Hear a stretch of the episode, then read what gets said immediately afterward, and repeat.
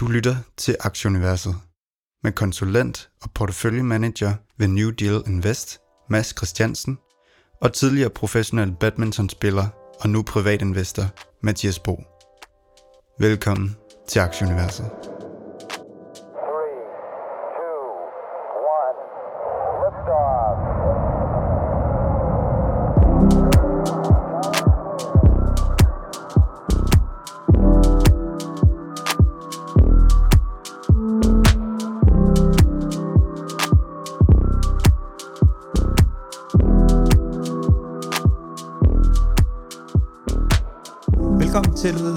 65. 20. udgave af Aktieuniverset. Det er i dag den 25. december 2021. Vi har øh, fordøjet julealden. Det, øh, det er den, som Mads ikke satte ild til i går, øh, har jeg lige hørt en historie om. Det, øh, det skal vi måske nok øh, lade Det være var ikke Hello og- Fresh, så det gik helt galt. det gjorde det virkelig. vi, vi skal nok lade være øh, at ud, øh, hvad hedder sådan noget, øh, vi, må hellere, vi må hellere komme tilbage på sporet. Øh, Nej, du, men, du øh, har allerede været i gang med at ud et eller okay, andet. så, så, ja, okay. Masser af til den. Ja, bum. Nå, godt. Lad os komme tilbage. Øh, dagens program, vi har lidt øh, uh, C-Limited update. Der er noget på Marley Spoon, som har været på opkøb. Uh, Delivery Hero har kastet håndklædet i ringen i, uh, i Tyskland og i Japan, så vidt jeg lige er orienteret. Og så har vi lavet et uh, interview med engelske Anthony omkring uh, Bitcoin mining og Bitcoin miners. Så det er ligesom, hvad den, øh, hvad den står på i dag. Og øh, ja, Mads, du er vanen tro også med. Udover lidt ild i anden, har det så været en, en hyggelig aften med familien, du har haft? Det var fantastisk, ja. Stor, stor familieaften i, i eget hus og sådan noget. Det er, det er godt. Man føler sig lidt som en gammel nisse, men, men det er også en, en god følelse. Så alt godt. Og du er endt med at holde jul i, i Dubai. Ja, vi, vi, vi skulle have været hjemme i Danmark, men øh, ja, det, det aflyste vi så med, med al den øh, corona, der er i øjeblikket, så vi, det, vi, vi besluttede at blive herude i varme i stedet for. Så vi hyggede lidt med nogle danske venner, så der var en lille smule dans om juletræet, og øh, der var også lidt øh, pakker til børnene, og vi fik øh, noget flæskesteg, så, øh, så det var også øh, ganske hyggeligt. Får man så fløjet øh, sådan nogle øh, juletræer ind fra øh, Norge eller sådan noget? Det er jo det, der også trender lidt i Danmark. Det er øh, fake, fake juletræer, som der også har været en stigende efterspørgsel på hjemme i Danmark, kunne jeg forstå i diverse byggemarkeder. Så vi havde et stort, pænt fake juletræ, som øh, for, ja, for distancen ikke kunne... Øh, man kunne ikke se, det ikke var et ægte, så det var, det var rigtig fint. Det, svin, det sviner nok mindre end, øh, end et rigtigt juletræ, så jeg tror, at min vært han er glad for, at det ikke er, det ikke er et ægte. Øh, men øh, ej, det vil, nok være, det vil nok være pænt umuligt at få fat i hernede. Så, øh, så det var et øh, plastiktræ, Mads, hvad hedder det nu? Øh, jeg starter lige med at tage sådan en tur rundt på, på indeksniveau. Det har været relativt fint. Øh, S&P'en er op øh, 1,20 procent. DAO er lige 0 plus, og Nasdaq'en er over 3 procent op. DAX'en er 0,70 oppe, og C20 er, er på 0. En 10-årig rente i USA, det er en pæn stigning til... Øh, øh, 1,49 procent oppe, og olien er også 7 procent oppe i ja, næsten lige under, lige under 74 US dollars for VT'eren. Øhm, så øh, på indeksniveau kan man jo sige, at det har været rigtig godt, og det var, det var specielt tirsdag, mener jeg, det var, hvor, hvor, det, virkelig, øh, hvor det virkelig tog fart. C-Limited op over 10 procent, øh, opstart over op 10 procent også. Så, øh, så det var godt med et, med et, øh, et lille, lille recover i, øh, i den her uge hvad hedder det nu, uh, Marley Spoon, er lidt lang tid siden, vi har haft, øh, haft den med, og de har været øh, på opkøb. Kan du ikke fortælle os lidt om det? Jo, det er et super spændende opkøb. Altså, de køber en virksomhed, der hedder Chef Good, en australsk øh, virksomhed, som laver øh, færdiglavet øh, mad, altså som man bare skal varme som forbruger. Øh, og det er jo noget, øh, Hello Fresh Group også har gjort i USA. De, der har de købt Faktor 75, og de har, så vidt jeg husker, også i gang i et australsk øh, opkøb. Og øh, Dominic, som er CEO i, i Hello Fresh Group, han taler om det her med, at, at, at, det, at de ser sig selv som et food solution company. Og det vil sige, at man udover at man skal have noget, som man kan stå og skære op, jamen så skal man jo også have noget, som man bare lige hurtigt kan varme. Og jeg ved, at øh, Good Food i Canada er begyndt at lave nogle, øh, nogle retter, som man kan varme eller lave på 10 minutter. Så det er den her palette af, at når man har haft børnene til fodbold, øh, jamen så kommer man hjem og skal lave noget hurtigt, og der er nogle andre dage, hvor man har familieaften, og man skal kunne lave noget mad, der, der tager lidt længere tid. Så de er, de er ude og, og købe op, øh, købe den her Chef Good, som, som laver færdiglavet mad. Og det er jo sådan en anden teknologi, øh, som, som ligger bag det. Øhm, de giver 21 millioner australske dollars øh, for virksomheden. Det vil sige, at vi, de køber Chefgood til en price sales på cirka 1, øh, hvilket er ret billigt, fordi Chefgood vokser med 137 procent og har en, øh, en positiv, altså giver overskud på, på bundlinjen. Så øh, det virker øh, meget billigt. Og så det, det allerbedste, det er næsten, at, at øh, Marley Spoon handlede i en kurs på 70 cent, eller øh, noget af det leje, den, den dag nyheden kom om, øh, om kursen. Øh, og, Øh, og, og, um, og, og de tager penge ind ved en europæisk investor til 1, øh, til 1 dollars. Det vil sige cirka 40 procent over handelskursen. Og normalt så er det altid sådan, når man skal ud og rejse penge, så, så ender man med at give rabat så, så Marley Spoon ser altså, øh, og investoren ser en australsk dollar som værende øh, en kurs med, med en rabat i, og det er vældig interessant. Den handler nu lige under øh, 90 cent, øh, som, som jeg husker det. Så det, det virker stærkt, det virker som den rigtige vej, og det, det virker fint, og det, det var meget fedt, at, at de kunne tage penge ind til den øh, kurs. Og, og noget af det, som jeg har mødt, øh, jeg har mødt Fabian Siegel, øh, han bor i København, øh, så ham der CEO for Marley Spoon, og han, altså, på ham kan man også forstå, at de, de mener, at aktien er noget mere værd, end, end, end den er. Sådan, sådan har de fleste CEOs det nok, men, øh, men vældig interessant, og han taler meget om, at at, at han har brug for på et eller andet tidspunkt at få flere europæiske øh, investorer på, fordi de forstår meal kit-branchen bedre, end de australske investorer gør. Så det, det var meget positivt for Marley Spoon. Ja, det var, som du siger, den tog, den tog marker tog pænt. Jeg tror, den var i 0,66, og som du siger, lige under 1,9 nu her. Hvad kunne uh, Marlies Boone være på, uh, på din øh, uh, top pick liste for, for 22? Øh, ja, altså jeg, jeg synes, den virker vældig, vældig interessant, men, men der, der er meget, der er faldet meget. Altså der er mange virksomheder, som jeg synes er, er meget interessante. Øh, der er en Twitter-profil, der hedder 10th Man, Øhm, og han, han har været ude og lave en Peloton-analyse, og, og nu er der to af mine øh, største, en af dem, af dem, jeg synes sådan virkelig er, er spændende at lytte til, som har lavet nogle rigtig gode Peloton-analyser, øh, og det synes jeg er værd at lytte til. Tenth Man, han har lavet en, øh, en podcast om Carvana også, som er virkelig værd at høre. Value Hive øh, fortæller han om den, så så jeg, jeg synes, der er mange spændende aktier derude lige nu, så, så på den måde, Marley Spoon vil altid, øh, de vil slås med, at de skal være profitable, fordi de er noteret på det australske marked, og det vil gå ud over væksten. Jeg vil egentlig hellere have, at de var lidt uprofitable, og så, øh, og så vækstede noget mere for at kunne følge med øh, Hello Fresh Group. Det handler om at få skala på operationerne. Alt det, som, altså, som er det samme fra land til land og, og så videre, der gælder det bare om at få rigtig stor skala på. Så jeg tror, at langt sigt vil det være bedre at prioritere at vokse frem for at, at tjene penge, men det er det australske øh, aktiemarked ikke til. Og det er måske hagen ved Marley Spoon, at den er noteret det forkerte sted. Øhm, Mads, øh, kryptoen har haft en, øh, en god uge. Bitcoin er op cirka 10%, og Ethereum op øh, op 4%. Det luner jo lidt. Øh, sådan lige væsentlige nyheder, vi, hvad jeg lige sådan har kunne finde frem til, er, at der er en, en senator i USA, som rimelig pro-Bitcoin, som egentlig faktisk er kommet frem med sådan et lovforslag, skråstrej pakke, øh, omkring BTC.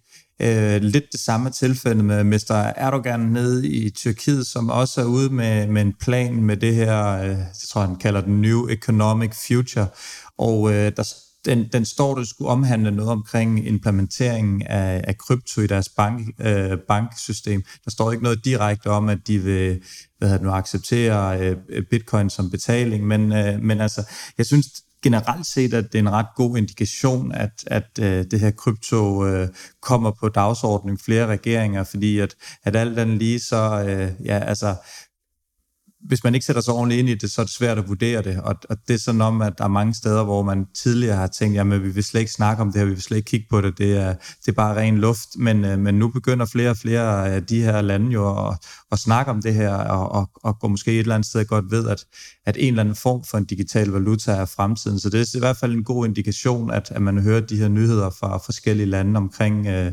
ja, både de nuværende øh, nu currencies, men, men måske også øh, andre digitale currencies, som kan komme i fremtiden. Ja, og så jeg hørte en spændende pointe i et interview her med en fyr, der hedder Chris Dixon, som er fra øh, AC16Z, som er Andreessen Horowitz's øh, venturekapitalfond, og de er virkelig langt fremme på krypto. Og han kom med den her fantastiske pointe, at at USA har været, vi har set Nasdaq bare stikke af, stikke af, stikke af, år efter år efter år, og vi har set de store tech-virksomheder komme ud af USA. Og det, der har været sket, det er, at hvis man har været en eller anden entreprenant gut, som har haft en vældig god idé, jamen så er man endt i USA, fordi det der pengene er, det der knowledge er, og det der miljøet er. Øhm, og, og, øhm, og det nye inden for krypto, det er, at rigtig mange af de deals, der bliver lavet øhm, inden for venturekapital, inden for øh, krypto og Web 3.0, de bliver lavet, lukket via Zoom-møder. Øh, så det vil sige, at den her naturlige influx af talent til USA, den er der faktisk ikke i nødvendigvis så meget mere. Krypto, øh, kryptoventurekapitalmiljøet er mere spredt ud over det hele, og så giver det også mening for regeringerne, at nu skal de til at, at gøre, det, gøre det på en eller anden måde venligt over for, for det her, alt det her nye, der kommer. Jeg ved ikke, hvor langt fremme Mette Frederiksen er med det, men, men, øh, men hun har måske andre ting at, at, at, at, at øh, at holde gang i.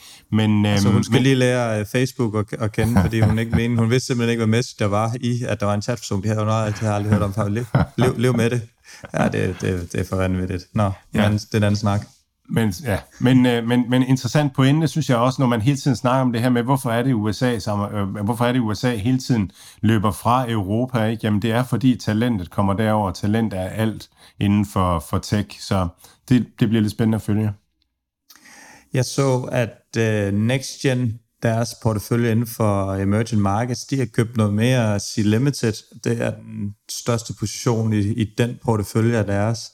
Øhm, og så så jeg de her øh, kursmål for diverse analytikere. Det skal man jo altid nok tage med et græns salt, fordi at øh, de har nok investeret i dem, inden de går ud og laver en købsanbefaling. Men, men de fleste af de her analytikere, de har øh, over 350 i, i kursmål på, på C Limited, så øh, der er mange, der, der er enige i, at den, den ligger, at det ligner et, et godt køb her omkring øh, tirsdagen, hvor vi havde rigtig godt marked, som nævnt tidligere, tror jeg, den var op omkring en, en 10% eller noget. Var der noget fundamentalt der, Mads, eller var det bare det her med, at øh, jamen, den er faldet så meget, nu skulle den bounce lidt tilbage?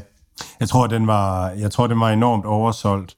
Øhm, Niklas Østberg, som er CEO for Delivery Hero, han var ude på Twitter øh, og fortælle om, at der var faktisk øh, en del, eller nogle, nogle fonde, der var ved at eksplodere i øjeblikket, og at det var en af grundene til, at der virkelig bliver, bliver hældt så meget ud af, af de her small tech-aktier, og, og, og mange af den type fonde har haft overvægt på, på C-Limited, så det kan godt have været det, der har været med til at gøre, at, at C-Limited har været trykket så meget. Den virker helt vildt oversolgt øh, i øjeblikket, og og jeg er enig i de der kursmål, men det er sindssygt svært at, at sætte en pris på det. Det afhænger af så mange formodninger om, om det ene og det andet og det tredje. Men jeg synes virkelig, at at fyren fra Hedgeye, der var ude og, og nedjustere den, jeg, jeg synes, det er voldsomt tyndt, det, det han er kommet ud med. Men øhm, altså spørgsmålet er også, om det er analysen, eller om det er kendskab til, at, at der har været, været fonde, som har været nødt til at, at holde udsalg, eller ligesom hvad det er, der har gjort, at han har kunnet ramme den lige røven med, med den her analyse, eller om han bare har skubbet til en rullende snibbold, det er, ja, det er altid interessant svært at følge. Vi må bare, vi må bare se til med, med, med hængende underkæber øh, og, og spekulere over, hvad der sker. Øhm, norske Brakkefrost, min, øh, min laksieaktie her, de har fortsat lidt problemer. Igen i den her uge kom de, de havde jo et rigtig seneste regnskab, jeg tror den faldt 14-15 procent på det. Øh, så er den egentlig kravlet tilbage med, med det her julesal inden for laks, som hvad hedder det nu, sæsonmæssigt altid er godt. Og, øh, og så begyndte de her nedlukninger at komme igen, og så gik de ud og, og egentlig fortalt, at de her forsyningsting, øh, problemer fortsat ind i, øh, hvad hedder det nu, undskyld, deres, det der sygdomsforløb, de havde med deres, primært i deres, øh, hvad hedder det nu, skotske produktion, de har lavet, øh, det er fortsat, og det er så noget, der går ind i både oktober og november. Og det, det kom så ud i starten af ugen, og jeg tror, den faldt en, en 11 procent eller et eller andet. Så det er selvfølgelig lidt skidt, at det her sats med deres øh, skotske eventyr. Og, og en af de vigtigste ting omkring det, det er, at, at noget af det, der er vigtigt, det er, det er vandtemperaturen ved, i, i Færøerne, eller ved Færøerne og, og Norge, er det, øh, at, at den spot oven, og derfor gør produktionen af laks det, det nemt. I Skotland, der varierer temperaturen noget mere, og det gør så et problem for, for de her lakseopdræt, og det, det har så resulteret i en del sygdomme, som så gør, at, at, ja, at de har ja, haft, haft, øh, ja, haft, haft mindre gavn af det, end de har regnet med.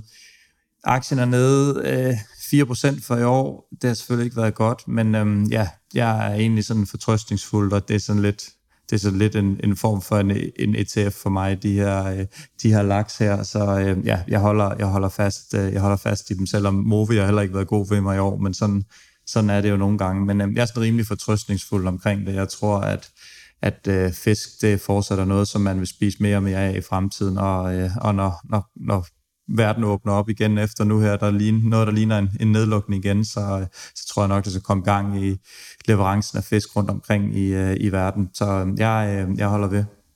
Det er også sådan et eksempel på, at, at, at hvis der så er noget sygdom nu og et eller andet, altså så, så på kort sigt, så går det ud over produktionen i næste kvartal, næste kvartal. Jeg ved ikke, hvor lang tid det tager at få yngle de der laks, sådan at man har nok af dem igen og sådan noget. Det ved du helt sikkert meget mere om, jeg gør, Mathias. Men, øh, men, men det langsigtede indtjeningspotentiale, Mathias han ser lidt måben ud, men det langsigtede indtjeningspotentiale, det er jo ikke ændret af, at, at, at der har været en, en høst, der er slået fejl. Jeg tror mere, det er reglen, end det er undertagelsen at, at, at det bølger lidt frem og tilbage med lakselus og hvad de nu ellers øh, slås med, øh, de der, øh, de der sådan, lakseavlere. Ja, helt sikkert, helt sikkert. Øh, Mads, vi skal lige en tur til øh, til Deutschland. Delivery Hero, de, Øh de var jo lidt ude og sige, at de hurtigt lige kunne tage det, det tyske marked. Var det ikke det, de øh, var ude og pitche for på et stykke tid siden? Jeg synes, vi har snakket om det her. Du har nævnt det det gik ikke, som, øh, som præsten, præ, øh, præsten prædikede. Hvad, øh, hvad er der sket der? Jamen, de, de har været ude og, og fortælle, at de trækker sig fra Tyskland, øhm, øh, og så har de været ude og sige også, at de, de sælger deres øh, forretning i Japan og så kan man sige, faktisk den dag, at de kom med de her nyheder, der steg aktien.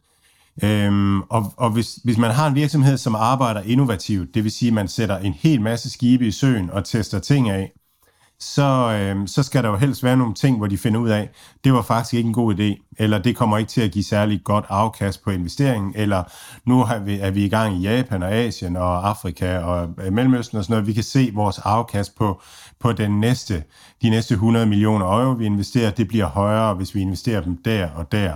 Og det betyder så, at, at vi, vi nødvendigvis må sælge der, hvor vi ikke kan skabe så højt et afkast på, på investeringen. Jeg ved ikke så meget om baggrunden for Japan umiddelbart.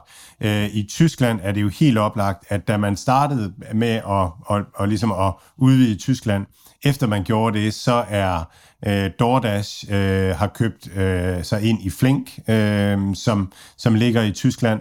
Øh, så det vil sige, der har man en stor konkurrent, og Just Eat Takeaway er også begyndt at satse meget på, på, på food eller på online groceries. Så på den måde så er, ser konkurrencesituationen anderledes ud. Så er der også sket det, at man har købt en, øh, en god del i øh, Gorillas, øh, som er sådan en quick commerce øh, spiller i Tyskland. Og så på en eller anden måde giver det meget god mening, at så lader man dem øh, være satsningen i Tyskland. Og så er der kommet noget, nogle, nogle reguleringer omkring det her med, øh, med øh, riders, med, med, med leverandør, eller dem der kører øh, at de skal ses som ansatte, og det giver nogle problemer. Niklas har, har talt om det mange gange, at, at det er faktisk mere fordelagtigt for, for de ansatte at være altså at være, være være, hvad skal man sige, være, være løst tilknyttet, sådan at, at de kan have, have det som en sidejob, eller, eller have det på alle mulige måder. Så for den arbejdsomme arbejder, der, der gerne vil have det som et ekstra job, eller gerne vil have det som det, man gør øh, mellem, mellem altså for de ekstra timer ud over sit almindelige arbejde, jamen der giver det rigtig god mening. Så snart at det bliver en reguleret arbejde, så, så bliver det lidt tungere at have med at gøre. Og til syvende og sidst, jamen, så er det jo kunden og at, at der skal betale for det på en eller anden måde. Så, så det er ikke sikkert, det er godt for, for branchen, men det er i hvert fald Øh, det er i hvert fald sådan, det blev i Europa. Der har man så valgt at sige, at, at så ser man bare mulighed for at, at tjene flere penge andre steder. Og det er jo, der er sådan et begreb, som jeg synes er, er, er godt altid at huske på, det er opportunity cost. Altså hvis man har 100 millioner, og man har øh, en dygtig leder, som man kan kaste efter et eller andet område, jamen så kan man altså ikke både kaste efter Tyskland og Japan og Mellemøsten og, og Sydøstasien. Man er nødt til at vælge, så der vil altid i en organisation være nogle muligheder, og man skal vælge de steder, hvor det er bedst. Og det, øhm, det tror jeg bare er okay. Man kan, man kan sammenligne det med, at, at det kan være, at om et halvt år, så melder sig Limited ud, at de har trukket sig i Polen, øh, eller at de har trukket sig i Frankrig, eller trukket sig i Argentina.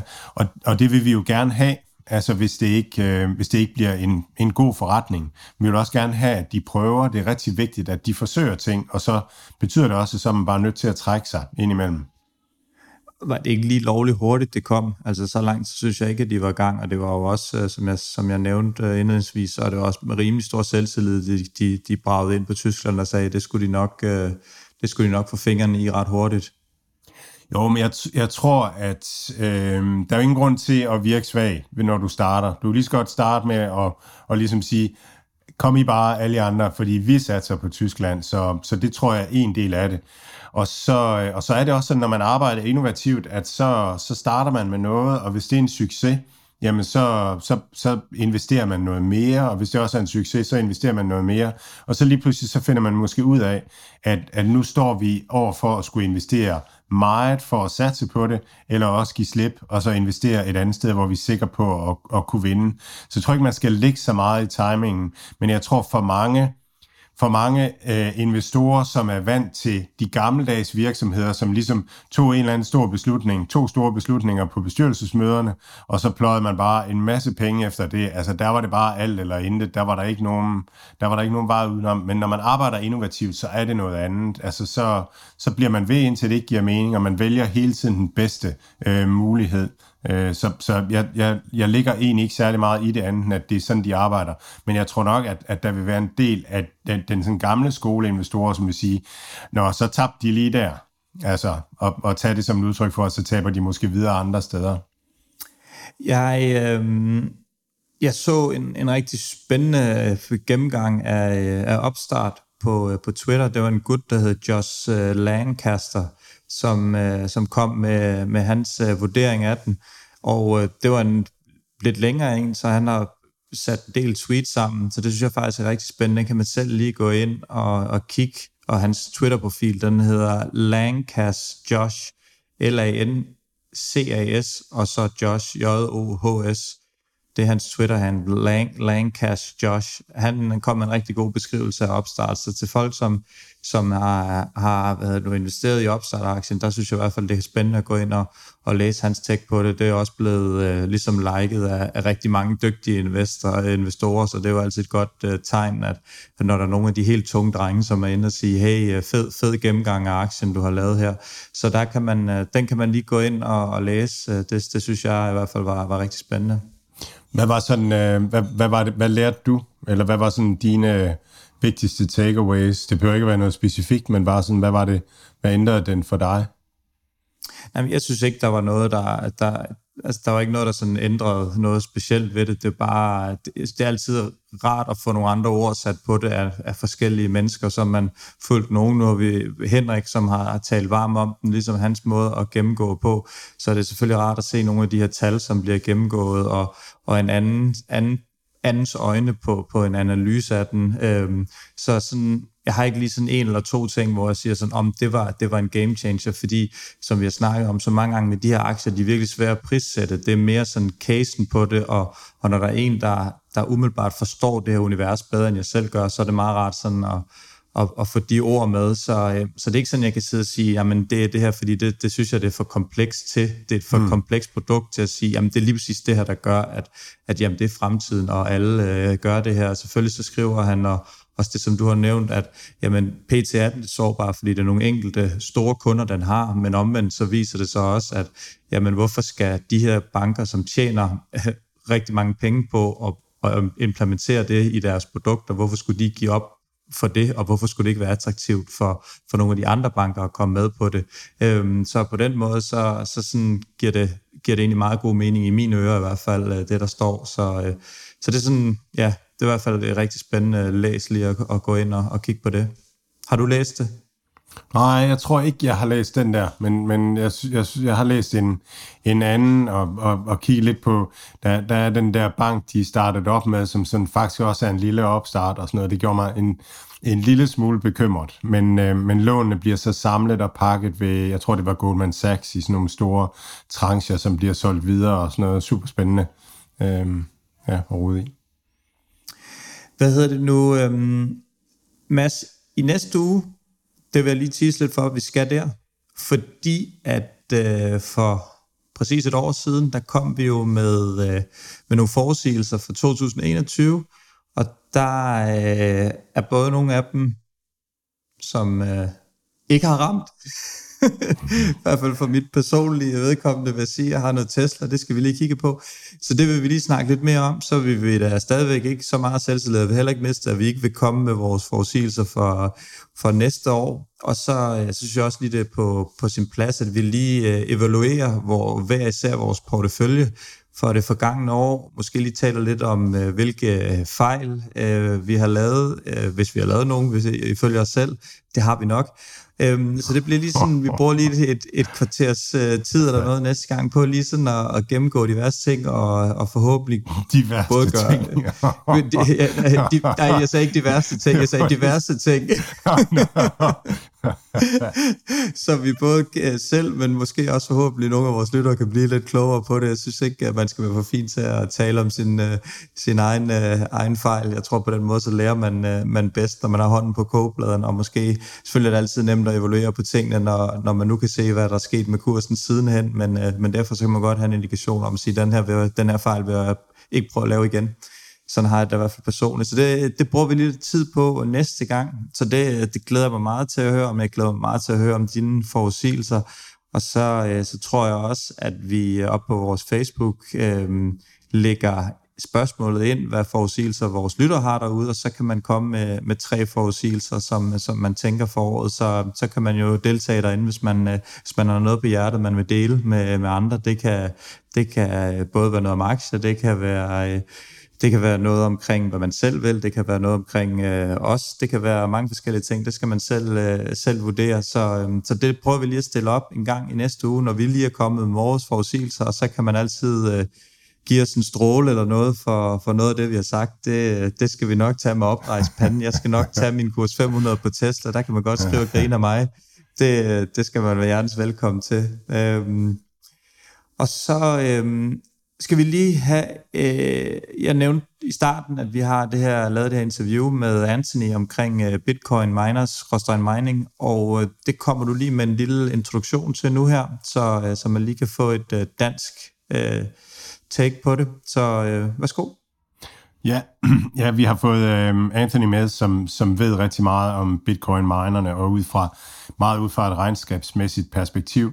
Og han kommer til sidst i interviewet med, øh, med, han, med, med, sådan en, med, med en analyse af fem af de her øh, mest aktuelle og mest kendte bitcoin-minere, hvor hans top 3 øh, er med også og så, og så har vi ikke en del 3 med, så, så øhm, hvis man synes, at bitcoin miner det, det er ikke så spændende, så kan man fase ud på et eller andet tidspunkt øh, i det.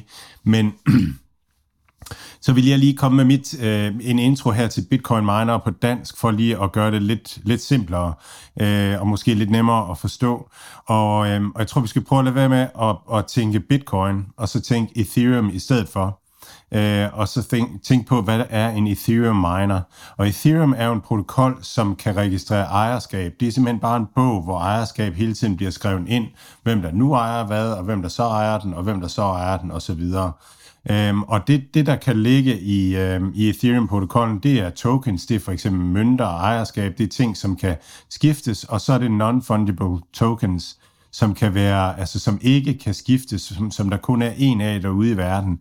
Og, og NFT'er, det kan være, øh, det kan være et JPEG af en eller anden abe med en smøg i munden, Øh, det, kan også være, det kan også være noget, der ligner en hjemmeside, for eksempel. Øh, Twitter-platformen kunne godt være en, en NFT i virkeligheden, øh, hvor der er bygget på det, så, så NFT'er er sådan nogle øh, programmerbare øh, ting, øh, der ligger i, øh, i kæden, og der kan bygges, bygges oven på dem. Og hvis man så tænker på, øh, hvad, en, hvad en Ethereum miner så egentlig er, jamen så når vi siger miner, så har vi meget af det her med, at det er bare nogen, der er ude at søge profit. Men i virkeligheden så er det virksomheder, der laver en service, og den service, de laver, det er hele tiden at holde styr på blockchainen, holde styr på, hvem der ejer hvad, hvem ejer nu den her blok, og, og hvad er den her NFT, hvem ejer den, og hvad er der sket med den. Og det kræver en masse computerkraft, og det er den computerkraft, som, øh, som, som, øh, som Ethereum-minerne øh, ligger til. Så det vil sige, for at, at blockchain kan fungere og løse problemerne ude i verden, jamen så, øhm, så skal der være, så skal der være nogle, nogle, noget computerkraft bag ved det.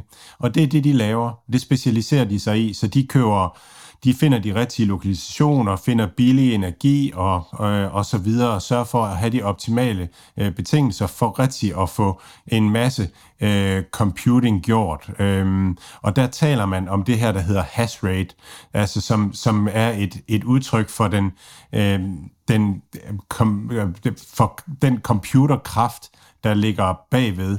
Der er hash rate for bitcoin, hvor meget computerkraft ligger der bagved ved bitcoin-protokollen.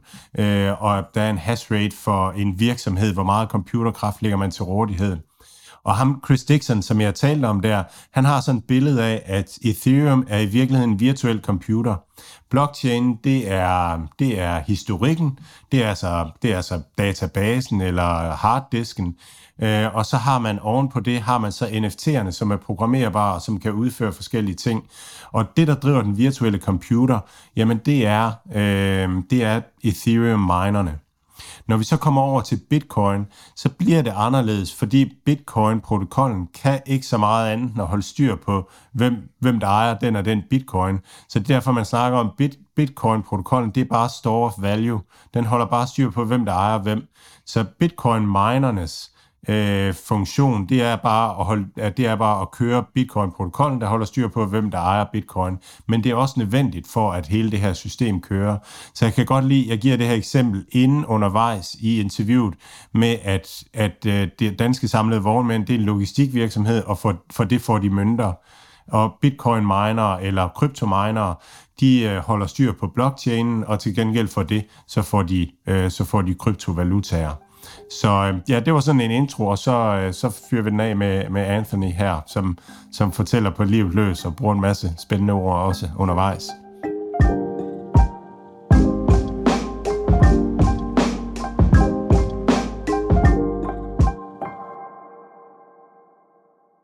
Alt hvad Mads, Mathias og deres gæster siger, er deres egne meninger.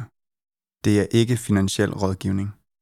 Denne podcast er udelukkende ment som information og skal ikke bruges til at lave beslutninger om investeringer.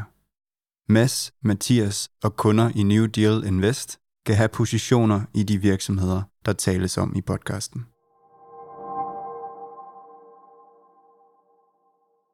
So uh, I've been looking uh, a lot forward to uh, to this conversation today. Uh, we have uh, Anthony uh, Power on today. Welcome, Anthony. Hello. Hi. Uh, and uh, Anthony is a rising star on Twitter uh, in a new space, which is um, the Web 3.0 or the crypto space. Space.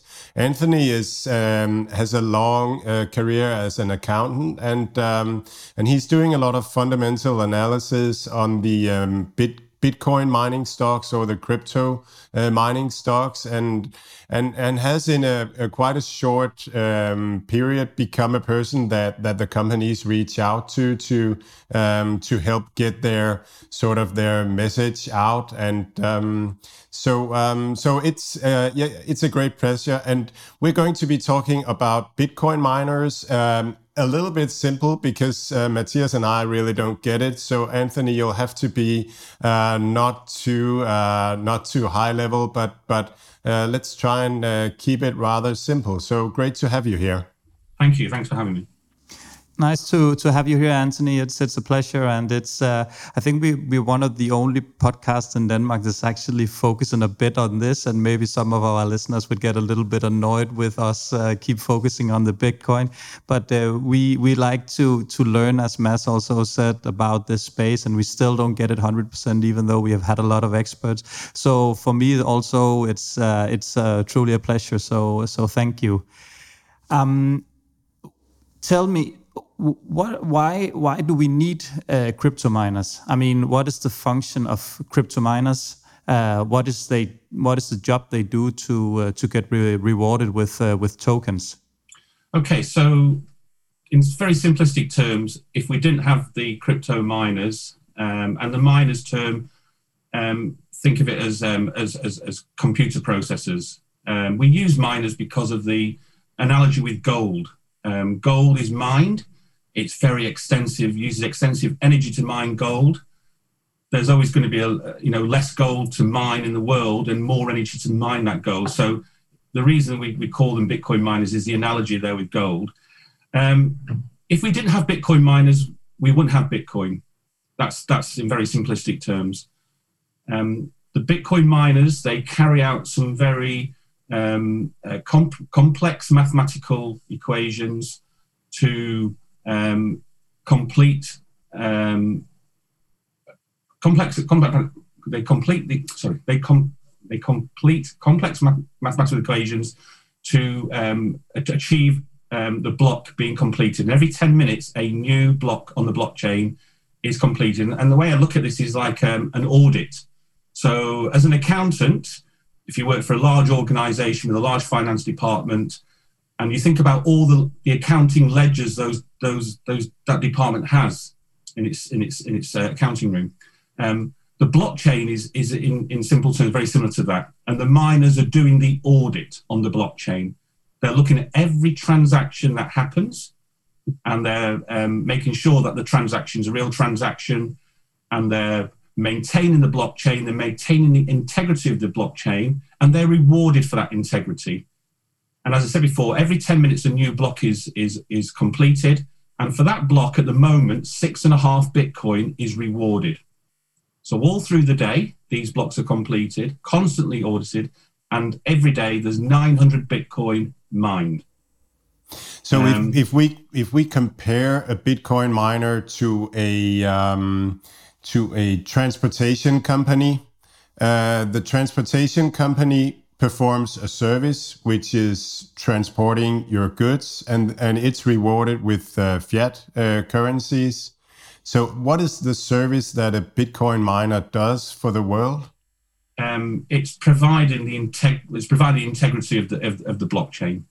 So this is um, you know we're, we're, we're talking about Bitcoin as a store of value, but we're talking about Bitcoin now as an actual form of currency.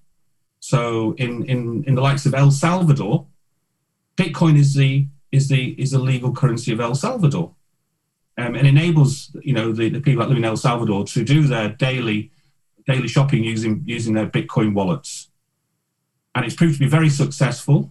And we're seeing more and more adoption from other countries, um, in, in especially in South America because of the El Salvador connection there.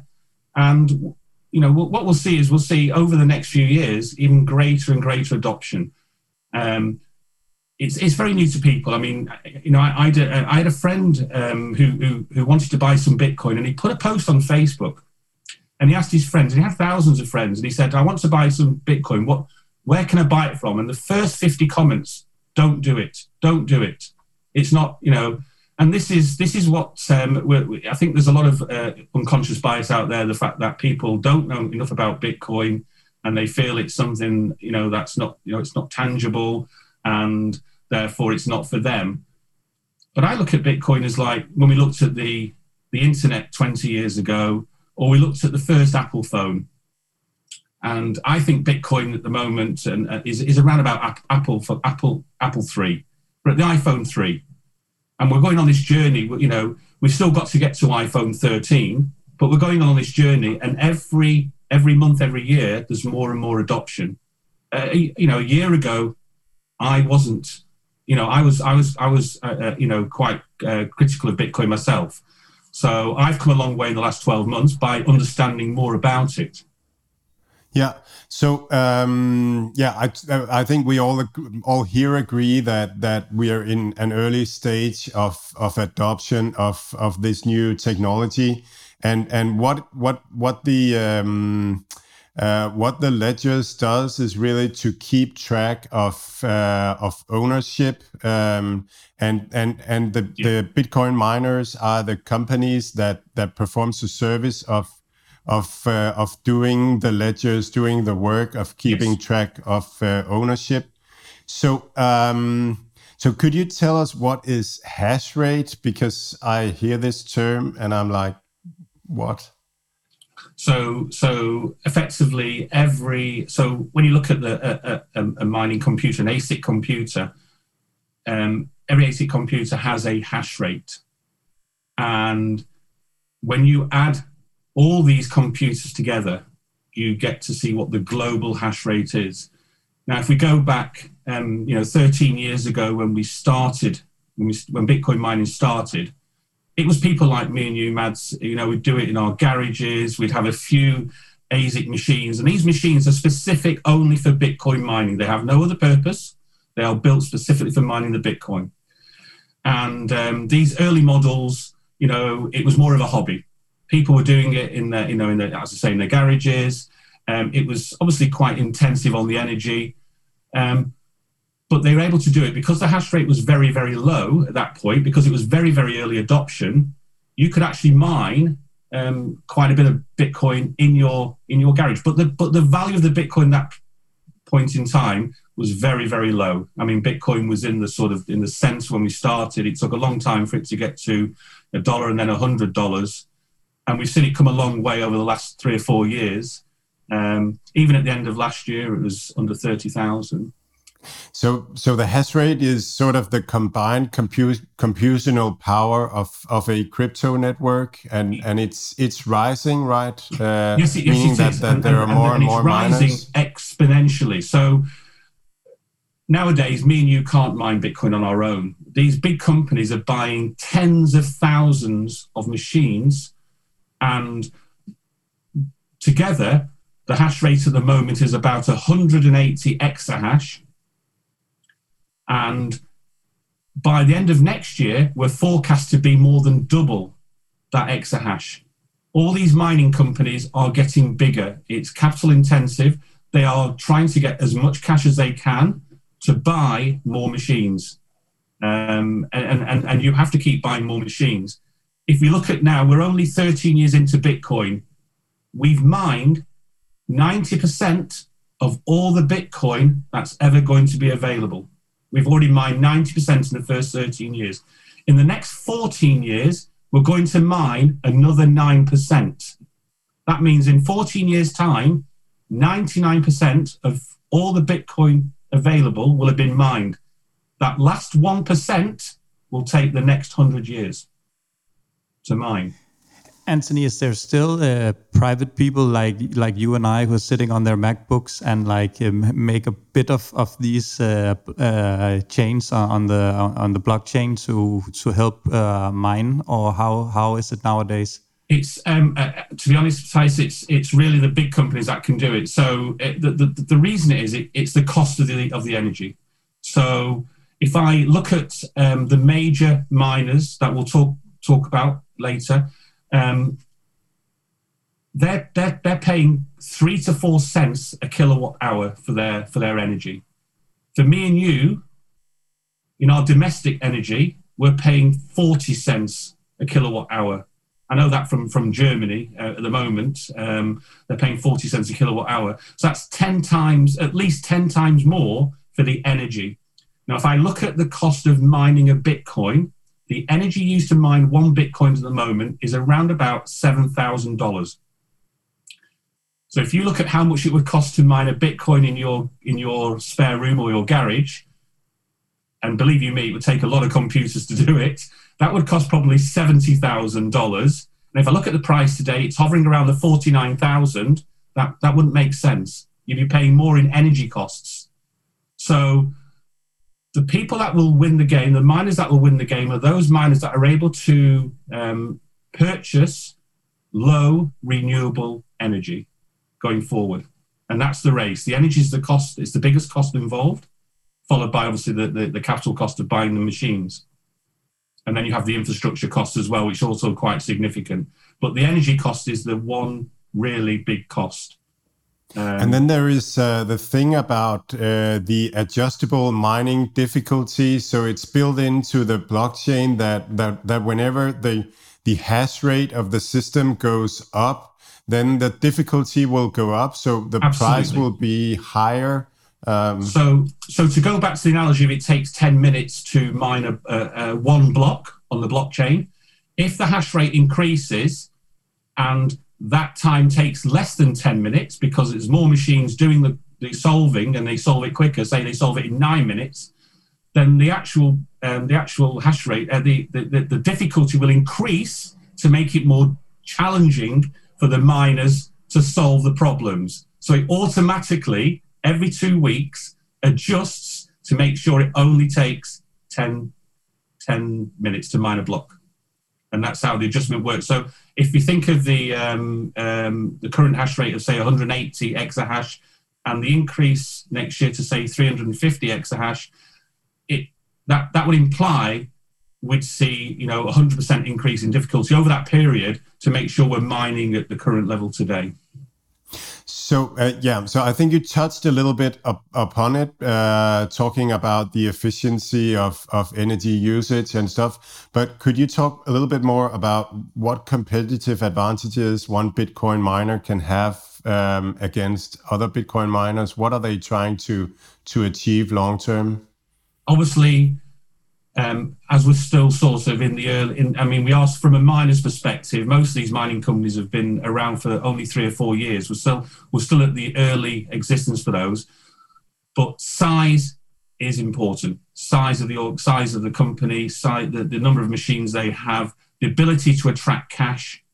So they need to make sure that they're listed on an exchange where they can attract, um, you know, more shareholders to buy their stocks effectively give them a higher market capital, effectively um, enabling them to um, use all the levers to um, to purchase Bitcoin. Sorry, to purchase miners. And um, the three levers they can use is they can they can they can dilute their dilute their um, uh, shares to provide more funding. They can um, sell debt on their balance sheet to raise capital. And if you look at Michael Saylor at MicroStrategy, he's been doing selling debt on his balance sheet to enable him to buy Bitcoin, and it's been very, very profitable for him. And the third way of doing it is actually to um, to sell to sell your Bitcoin um, to, to, to, raise money because it, it's it's the capital intensive. So size is very important. Um, ESG is very important too. So making sure that um, these miners are using renewable energy, and that can be a competitive advantage from one to the other. So if we look at a company like Hive Blockchain, they use 100% renewable energy. And I believe at the moment they are the only miner to do that. Um, there are a number of miners that are very close to 100%, and what they do is they, they pay for the carbon offsets to get them to 100%. But Hive are the only miner, I think, the listed miner at the moment that are using 100% renewable energy. Um, some of the miners use coal, um, some of the miners use gas, um, hydropower. Um, a third competitive advantage is um, at the moment, the majority of miners worldwide are using air cooling to, to reduce the heat that's, that's, that's produced with all these machines working 24 7, 365 days a year. And if you look at where the locations the miners are based, they're based predominantly in colder climate countries. So, North America, Canada has probably got you know a significant number of, of companies in that particular area because the fact is it, it has cold winters and it has not the greatest um, you know summers, so they can manage the temperature very well just using air, air cooling. What two of the companies now are doing is they're looking at immersion cooling, which is where the uh, machines are placed into electrolyte fluid, and that can be um, a way of keeping the machines at a, a temperature level that they need to be in early studies, it's found that the immersion cooling not only um, is produced uh, can can be cheaper on your energy bill, so you actually f- then use less energy to to produce your Bitcoin, but also the machines can be worked harder in that environment. So it's got a two-way advantage. And we're seeing two of the big mining companies, uh, um, Riot Blockchain, who have a, uh, an enormous site at Whinstone in the US, in Texas, and Argo Blockchain, who are just building their site now in Texas, which is at the moment going to be the largest um, mining site in the world with 800 megawatts of power available in the future when they need it. They're doing it in phases. And these two companies are sort of setting setting their agenda out in their in, in their strategy. And it will be interesting to see which of the miners follow that route as well, because this is, in, from my perspective, is quite new. But immersion cooling's been around for a long time. And I spoke to a director of one of the mining companies yesterday, and he said that um, so, so there's far more technical companies using far more technical equipment in immersion cooling, and it's been going for five, ten years without without any problems. So we fully expect the miners to be able to utilize that process and give them a competitive advantage going forward. So it's a very technical, um, technical. It's it's a high tech race to. It is uh, a high tech race, definitely. Yeah, and I remember we talked uh, a couple of weeks ago, and you gave me an example of a a mining company that had their computers in a desert or something like that, and and they they would uh, attach dust, and that would reduce the performance. Could you could you tell that story just an, as an example? Of- well, it's I mean it, it, I mean it's all about the environment. So so um, one one mining company, Marathon Digital, um, they have um, their uh, uh, uh, site next to a next to a coal mine. And so um, you have to look at the challenging environment, the air, the, con- the air condition. Now, now there will be filters in these in these facilities, but it's how effective the filters are. We know that dust gets everywhere, and dust will will lessen the um, the, the performance of the miners themselves.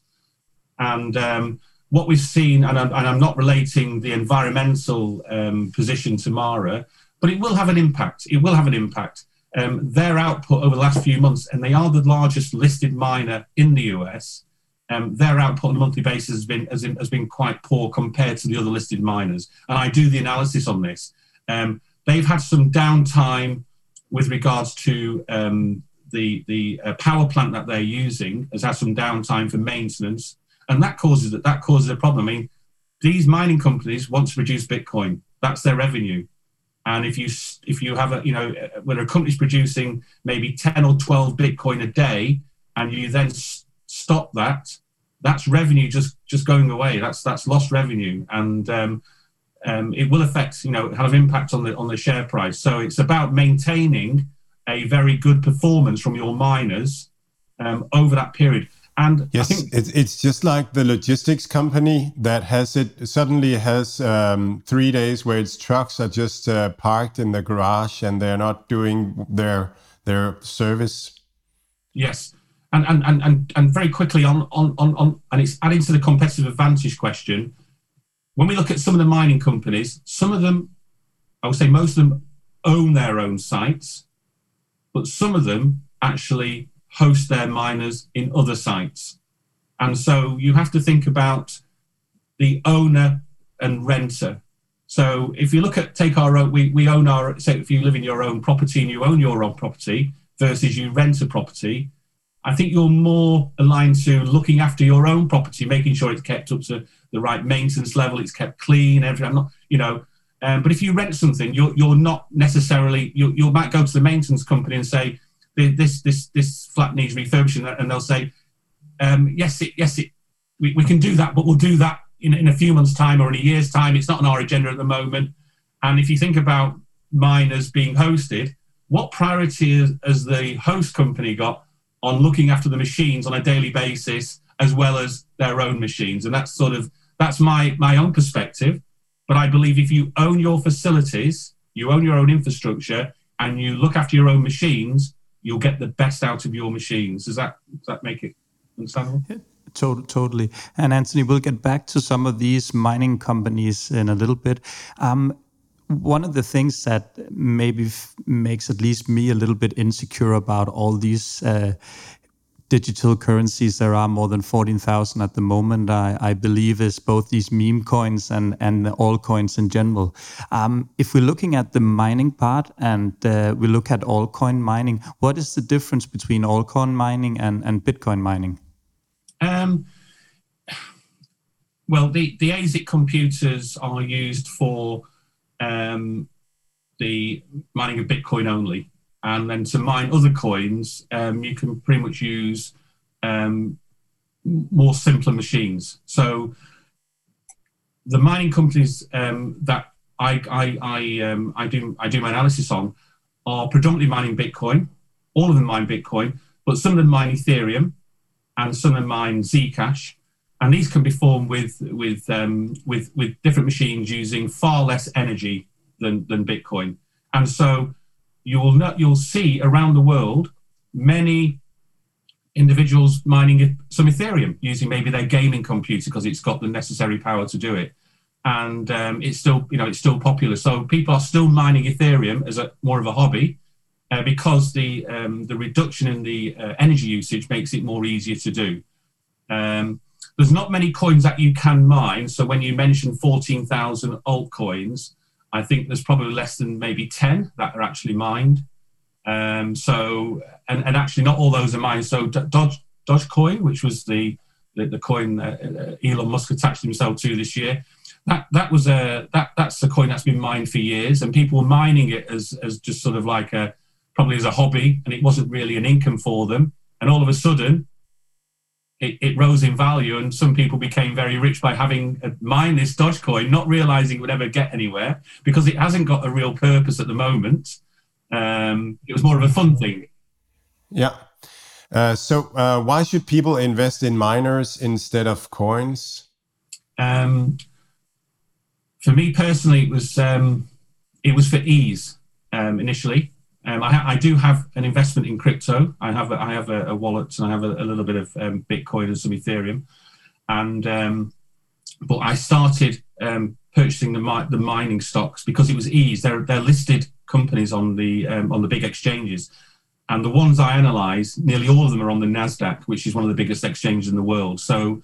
I can buy mining stock at the, at the press of a button, and yes, I can buy um, some Bitcoin using my my iPhone again at the, at the press of the button, but the setting up of the of the actual uh, wallets and everything took a little bit of time um, to do. Um, but the real reason that um, people invested is is probably because miners are more volatile than Bitcoin. So we've seen the Bitcoin volatility, and miners are more volatile because there's the potential to the potential is to to actually be greater. Um, these miners, and we've already explained, are um, at the current price of Bitcoin. They're mining and, and the current hash rate, they're mining uh, Bitcoin at a cost of around $7,000, which means that some of them are, are, are having margins of 80 to 86%, which is very, very, very good. And one thing we're fairly sure is, is you know, it's it's a bit like if you draw a line of the graph from 13 years ago to where we are now, Bitcoin's only going in one direction. It's going it's going further up. So the, you know that's why we're having lots of new big mining companies coming to the market and realizing there's there's a, a real potential here. And so these companies are, are currently operating with price earnings ratios of less than 10, which is phenomenal. So to an investor, when you're looking at stocks, um, you know, you, you want to look at, you know, companies that have a low, low PE ratio. And in technology companies, normally you're looking for 25 as it, because of the, you know, the, the, it's, it's volatile. Some of these companies that we've already mentioned now have a P ratio of, of between five and eight. So it's very, very attractive for an investor. Um, we looked at uh, if we go back to yesterday on the market, Bitcoin rose, I think, from by about three three to four percent yesterday. Some of the mining stocks rose twenty percent yesterday. Twenty yeah, percent yesterday. So so the volatility is there um, the potential to to gain more through mining stocks for some investors is greater than buying Bitcoin itself. And it's and it's a proxy for Bitcoin. You know, you are you are potentially buying. You know, you're buying into the Bitcoin. You're buying into the Bitcoin idea. So if Bitcoin went to zero, all the mining stocks would go to zero. They wouldn't be able to exist. Is that's that's the, the, the, mere fact. They can't continue. Um, it would take Bitcoin to reduce quite a lot for them to go out of business. I've already explained the cost of mining at. So um, they were very. There was some of the miners were still profitable last year when Bitcoin was was below twenty thousand dollars, and this year it's yeah. 48, 49.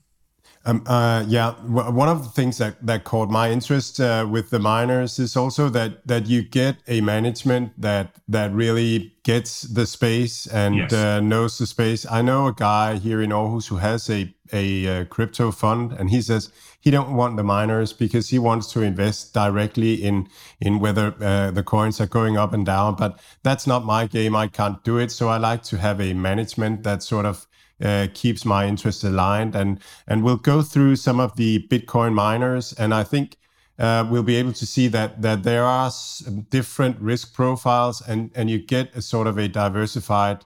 Uh, investment uh, because some of them are moving into to other stuff in the Web 3.0 uh, thing as well. But um, I'd like to um, I like uh, we'd like to hear your thoughts on Riot, Marathon, Bitfarms, Argo, and Hive. And um, could you start out with Riot? I think it's it's a bit big one with a little bit dodgy background. Um, Riot blockchain is is one of the largest uh, listed miners on the Nasdaq and one of the earliest listed miners on the Nasdaq, and, and benefited from that position because um, having that early listing meant it attracted um, a lot of a lot of money raised through their IPO and um, and and gave them access to, to, to markets that you know some of the other miners have struggled to to, to get access to, um, and that and that and that is more about um, you know the the the, the big uh, investment companies coming in and and buying stocks. So if you look at company, the big big investment company like Fidelity have purchased um, you know significant amounts of, of, of, of, positions in, in, in Riot and, and some of the other bigger miners. Um, Riot um, has a current hash rate of about three exahash. It generally produces uh, over 400 Bitcoin a month, and and is, is, is one of the most efficient miners. It's it's um, it has a one of the largest facilities. It's, it's it's recently purchased at Whinstone. It's got the potential to get to 750 megawatts of power, and that will um, provide um, enough um, future proofing of the company for the next probably five to seven years. Um, these companies are always thinking, you know, I want to be, you know, larger um, and, and, and sooner. Um, but to go from their current 3 exahash, they have the potential to get to, say, 23, 24 exahash just in their facility at the moment. So that's going to be eight times their current current position. Um, so, so, that's probably Anthony, about I, five years. I, I, nearly, I nearly said if you should say this in Danish, but I realized that that you can't because you're British. uh, but but if uh, if you should sort of um, um, very just very very concise say what what does an investor get from investing in uh, in Riot? What does Riot offer for an investor in in a very non-technical uh, language? As an with your accounting background, what what fun, what do you think Riot offers, and what are um, the risks? Riot, I think Riot offers a it, it offers a, um, a you know a great a great opportunity. Um, as I say, it's one of the biggest miners. Um, it has the it has the potential for it has the future growth strategy that people are looking to invest into. So it's not standing still. Um, it recently had um, an offering, an up the market offering of five hundred million dollars, and it achieved that.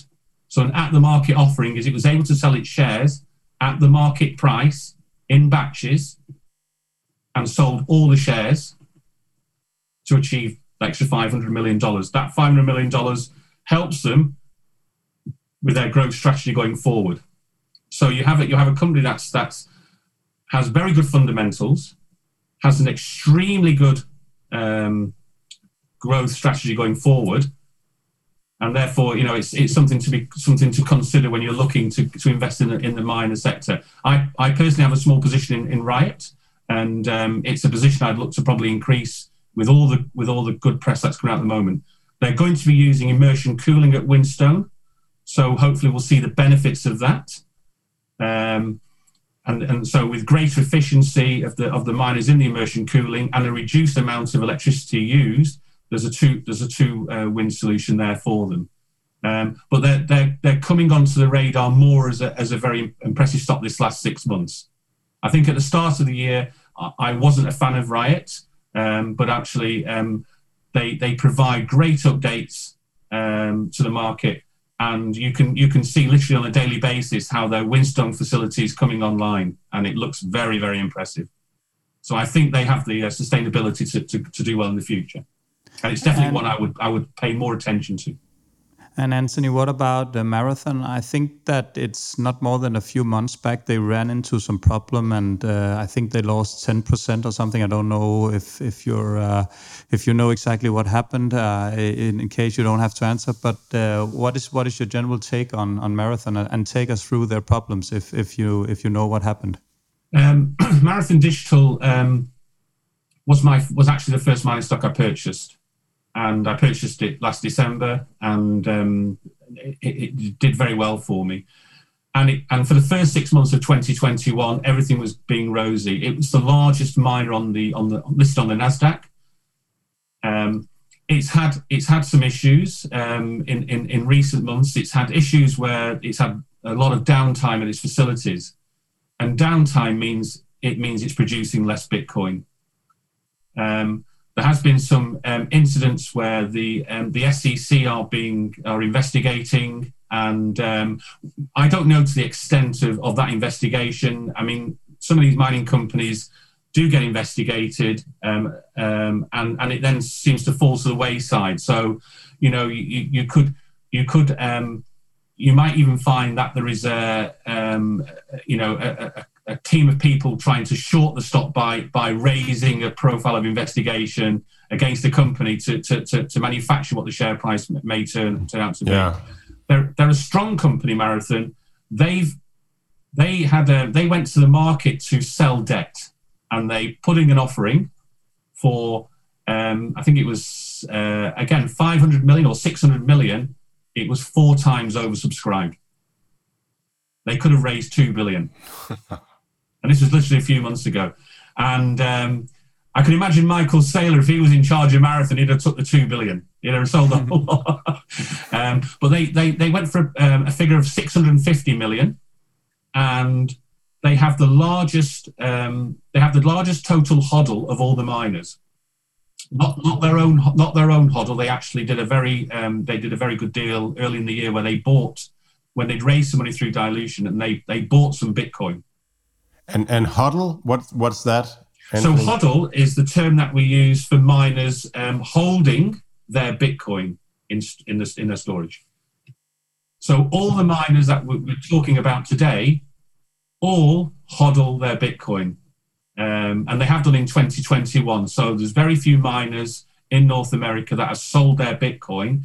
And if we look at the global mining position, um, it's it's like less than less than 20% of the current Bitcoin mined is being put into the exchanges. So the miners are holding the Bitcoin strings at the moment, all the new Bitcoin mined. That seems very uh, uh, that seems very aggressive. Uh, that seems like they are they are um, like they are um, gearing their investments. They their future earnings is depending on Bitcoin, and they still also hodl everything and borrow money to to uh, keep things going? I think it's a strategy, Mads, where um, they believe that the future value of Bitcoin is going to be greater than it is today. So by holding the Bitcoin, and Marathon have over 7,000 Bitcoin on their balance sheet. So if you have 7,000 Bitcoin and Bitcoin doubles in price, say in 2022, how does that look for a, for a, an investment rather than selling it monthly? Now, you know, I spoke to a CEO yesterday and they sell their Bitcoin every month. And I said, why? And he said, because we use it. We use it to buy our machines.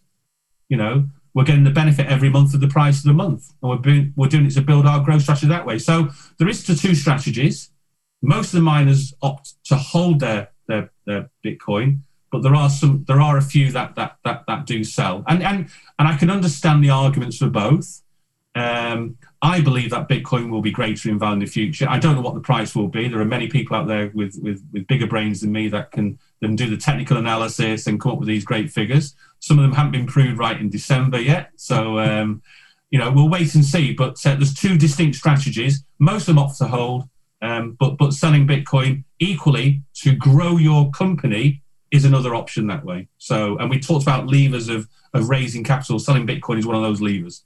So, um, and Anthony, yeah. uh, Ma- Marathon is also one of the good examples of that. That these companies not always follow the the Bitcoin price one to run. Uh, I think Marathon is is down about forty percent the last month, whereas the Bitcoin is down about seventeen percent.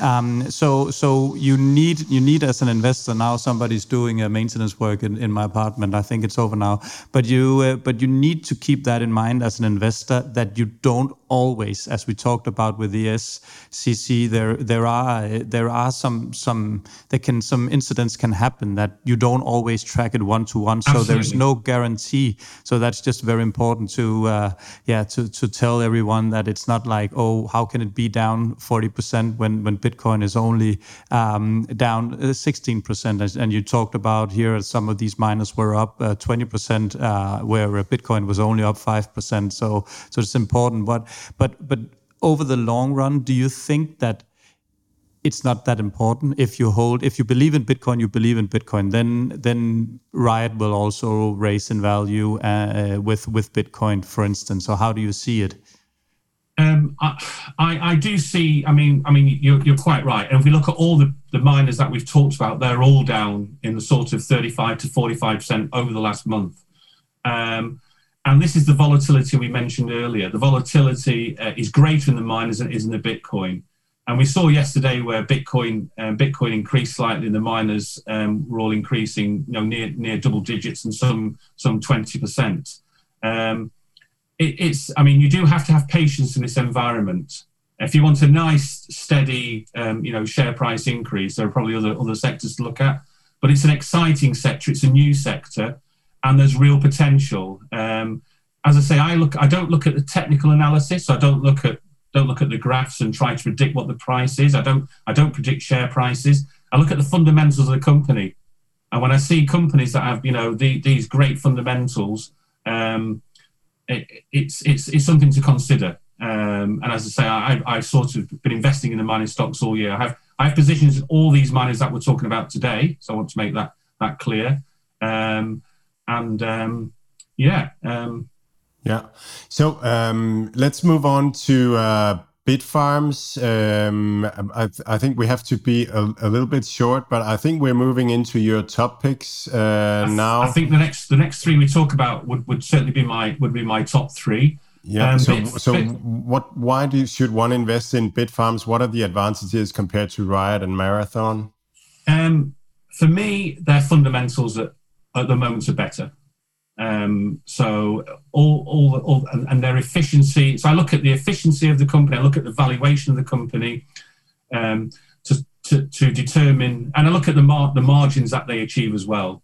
So they they, they do hit on all those, and I, I break those down into far more greater detail. And when I look at the total of all those, and I give them a ranking, Bitfarms generally comes out top. So it ten. If we look at um, every car has the same engine and let's have a race with all these cars with the same engine, like a Formula One Grand Prix. Bitfarms would probably be the quickest car using the same engine at the okay. moment. It constantly achieves the, the highest amount of Bitcoin for the amount of exahash that it has. So they're the, they're the technology company with the best technology at the moment. Um, not no, I think it's probably they, they, it, it, might be the fact that they are able to maintain their machines greater than others, maybe to run them hotter than others. Um, it, there's so many levers. We talked about the environmental yeah. issues of, of, of, of, Bitcoin. There are so many factors that can affect Bitcoin production, um, and the, the, one of the biggest factors you, you're going to laugh at this is luck is look. Look is actually really important, and and you know I can see you smiling. Like it's it's it's an it's an important factor. Um, you know there is a lot of luck in in in, in achieving that complex calculation quicker than your competitor to be rewarded in, in the blocks there. Um, Now, what the Wow. what these what these companies do is they go into the mining pools and they and they mine together to try and sort of have a greater chance of achieving the rewards of the blocks. Bitfarms just generally does it better than others. Every month I look forward to their results, and it's like, wow, they they've knocked out the park again. Um, when you compare them to Mara and Riot, even though they're smaller, they're doing they're doing on a daily revenue, they're nearly as good on a daily revenue, even though they're probably half the size. Yeah, and I, I, is it true that that they're valued lower if you compare the um, their uh, what do you call it? Do you call it hash rate uh, compared to their valuation? They are so um, absolutely. Um, that, and again, this is one of the valuation metrics I use is is is is, is look at their is look at their market cap divided by their hash rate. So how much are they paying for their hash rate? And Bitfarms, Hive, and Argo are all very, very, very, very, um, very, very good in, in those in those um, using those indices. Okay, let's let's move on to Argo. Uh, I think you know the company very well. It's British. Argo Argos um, is a is a UK listed company, but operates in Canada. All its operations are in Canada. Um, it's now moving into Texas and has will have the largest uh, mining facility when it's finally completed at the moment. So obviously there may be a race for others to to, to, to build bigger in the future, but at the moment their facility has the potential for 800 megawatts of power. Um, they're looking to do this in phases. So phase one is well under underway and should be completed by the end of quarter one 2022. Um, it will be a facility with uh, 200 megawatts of power, and that will give them enough computing power for six exahash. So at the moment, they're operating at 1.6 exahash, and this new facility will give them an extra six exahash on top of that. And they expect to fill that with miners by the end of quarter three. That's five hundred percent growth, something like At that. least 400% growth. yeah, Yeah. yeah, Yeah. So why do you like Argo? What what's the short Um, I, I, I on think them? this goes back to the point you raised before. Um, the CEO, um, he's very he, he, he you know he will he's constantly um, puts out the interviews, gives plenty of updates. He was the first of the mining CEOs to provide a monthly mining update, and he started about two years ago when he became CEO. So every month he gave out the number of Bitcoin mined, the number of Bitcoin they had in their hodl, so how much did they hold, and actually the margin, again, you know, quite sensitive, the margins they were mining their Bitcoin at. And every month we look forward to receiving those updates. And we've seen in the past six, seven months, all the other miners are following his lead now by doing this because it gets the investors, the investors are hearing this, you know, uh, on, a, on, a, on a weekly, on a monthly basis. He also does um, uh, question and answer sessions with the shareholders. So he'll he'll ask for questions to be sent in, and then he'll produce a YouTube video, maybe in three parts over three days, and he'll go about answering the questions that they've received. So again, he's keeping the shareholders updated with what's going on. They produce videos of their new site on a daily, literally on a daily basis. They're coming through now, so we're getting to see the new facility. Um, they have a great, um, a great uh, rapport with the, with the local community in Texas where they're building their site. They've offered all the jobs there to the local community. They're building or refurbishing a swimming pool for the local community. So all this, it's good PR. It's good to, to see them working that way. They're a good, they're a good company. There are, there have been some challenges this year. Um, their IPO um, didn't go as, as probably as well as some, some shareholders expected it to go. But they listed on the Nasdaq. They're listed on the highest tier of the Nasdaq. Um, and the future is the future is bright. They do things um, smart. That, that's their mantra. They'll look at smart growth. So they'll they'll they'll buy the miners when they believe the price is the best time to buy, buy them, and not necessarily like Amara will go out and just buy buy buy to, to build their growth. Argo will look more more at this and um, consider you know when it's when is it smart to do this. Um, they've got a good team around the CEO. Um, so everything about them is, good. Um, we'd like the share price to be higher, obviously, but uh, again, it's it's this is an investment that you know we're, we're here for the, for the longer term. And Peter Wall says, don't look at it from a daily perspective. Look at it from a quarter and years perspective. And, and sorry, with with regards to Argo, they've um, they've invested in, um, in in in other technology. So they've invested in a company called Pluto, and they have a 25 um, percent stake in Pluto. And Pluto are um, are working in the in the in the DeFi area, um, decentralized finance. They're, they're looking at the tokens and trying to find the early, trying to get in where it's early adoption in these tokens and looking at sort of like the massive uh, potential increases. And I read a report last night that Pluto, in its very early existence, is doing extremely well. I think it's hoping to list in the near future. So again, Argo's looked at this and done a, and done a bit of investment. Um, yeah, I love that uh, about about Argo uh, that that they are investing in in the DeFi space, and I also uh, like it about Hive that they are also also investing in. Could you just very shortly give us your two cents on on Hive? Hive again, amazing. Um, yeah, really really like Hive. Hive have had a great year. Hive, um, they, they, they were a predominant Ethereum miner um, initially and they've moved more into the Bitcoin mining this year, and they've already managed to um, get a good hash rate in Bitcoin mining. I think it's at 1.3 exahash. They've got a good growth strategy to get that 1.3 to 4 exahash next year.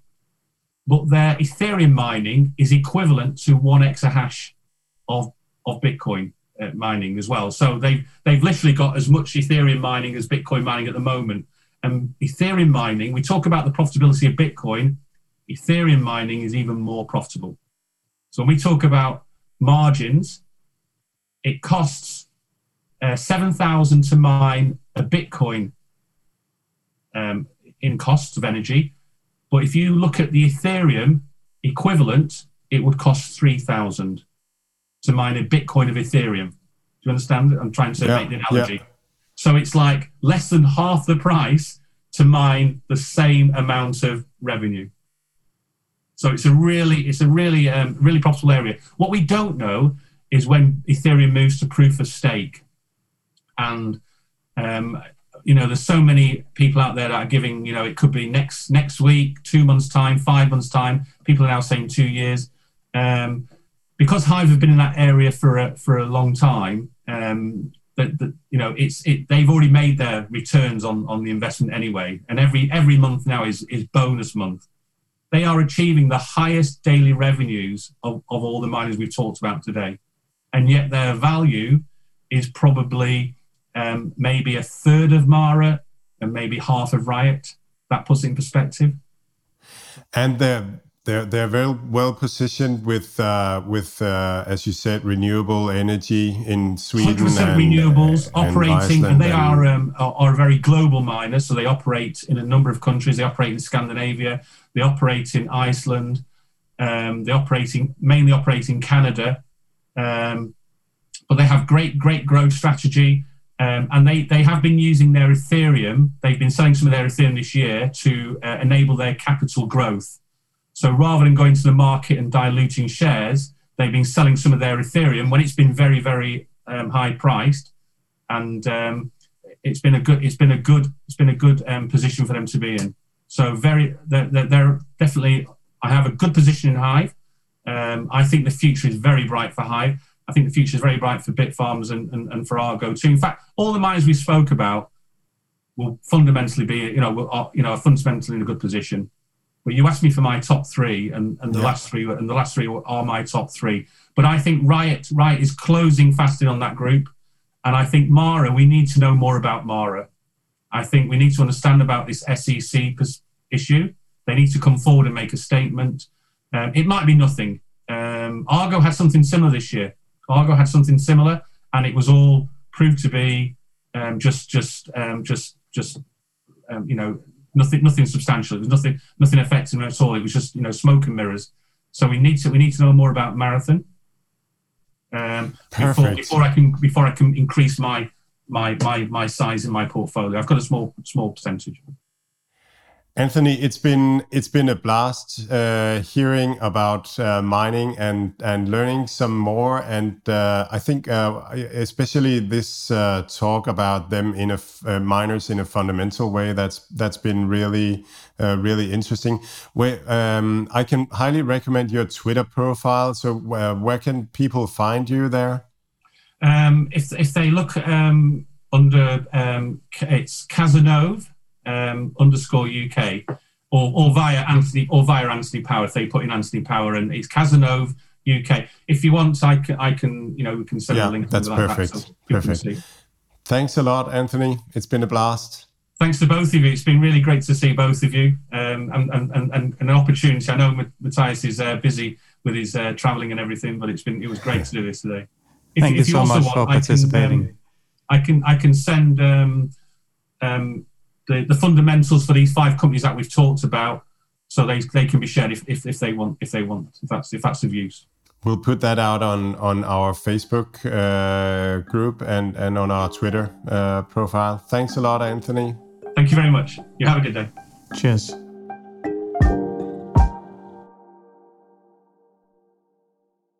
Mads, hvad siger du til uh, Anthonys uh, interview her? Jamen, jeg synes, det er mega spændende at høre om de der, altså, fordi selvom at de egentlig gør det samme, altså øh, stiller computerkraft til rådighed øh, og for, for, for blockchains, og så får, øh, får kryptovaluta øh, til gengæld for det, så har de jo forskellige strategi, altså hvor vi hørte om, om nogle af dem, som, som lånte mange penge, øh, og jeg ved, øh, Anthony har interviewet den her australske øh, øh, virksomheder også, som, som bruger, al, altså bruger deres bitcoin løbende til at, at, at dække omkostningerne ind. Så der er noget omkring, hvor, hvor meget er de gearet. Øh, der er også noget omkring, hvor meget er de diversificeret, hvor nogle af dem er ren på bitcoin og, og, og, øhm, og, og er måske meget gearet ved, at de, øh, øh, ved, at de holder deres, de bitcoin, de producerer og låner pengene til at finansiere det videre. Og så er der, altså, så er der Argo, som har købt den her Øh, øh, den her virksomhed, som, som, som også arbejder med decentralized finance, og jeg ved, at Hive er meget også aktiv i at, at købe op, og har købt, øh, øh, købt noget inden for NFT-industrien og sådan nogle ting, hvor at, at de prøver at diversificere deres, øh, deres risiko ud til, til en bredere del. Så jeg synes, det, jeg synes, det er super spændende at følge. Det er bestemt noget, jeg vil blive ved med at følge. Jeg synes, det er fedt, at man kan investere i det, i stedet for at investere direkte i, øh, i valutaerne. Øh, og så skal man så huske, at, at det, er kun, øh, det er kun bitcoin, man investerer i, når man investerer i kryptominerne. På nær, hvis man investerer i Hive, så får man også en eksponering for Ethereum med. Men alle de andre altcoins, de er altså ikke med i, i en, en miner-eksponering som sådan. Ellers så skal man over i øh, en af de her ETF'er, vi, vi nævnte for et, et par, par gange siden. Øh, der, der får man også noget, noget eksponering mod nogle af de her selskaber, som vi har, vi har som, som Anthony har, har nævnt her, og som vi også selv har snakket om. Så, så kan man kigge lidt den vej på en, en blockchain ETF. Mads, jeg tror faktisk, øh, det eneste, der er tilbage, som selvfølgelig også er rigtig væsentligt, det er jo egentlig at ønske rigtig godt nytår til alle derude. Øhm, vi er selvfølgelig tilbage næste lørdag, som så vil være den første, så det kan være, at vi lige skyder optagelsen lidt som eftermiddagen, hvis, øh, hvis man lige skal bælge en flaske champagne eller et eller andet. Det ved jeg ikke, om vi skal endnu, men øh, det, det kan jo godt være, det er det. Men vi lover i hvert fald nok at skal sende en, en nytårspodcast afsted til jer. Øhm, kan vi lige bekræfte i, i løbet af ugen, hvad, hvad tid det lige bliver. Så Øh, rigtig godt nytår. Godt nytår til dig, Mads. Og øh, ja, I lige måde, Mathias, så godt nytår til alle jer derude, og, og tak for, for støtte og, øh, ja, og, og opmærksomhed og, og så videre derude i, i årets løb.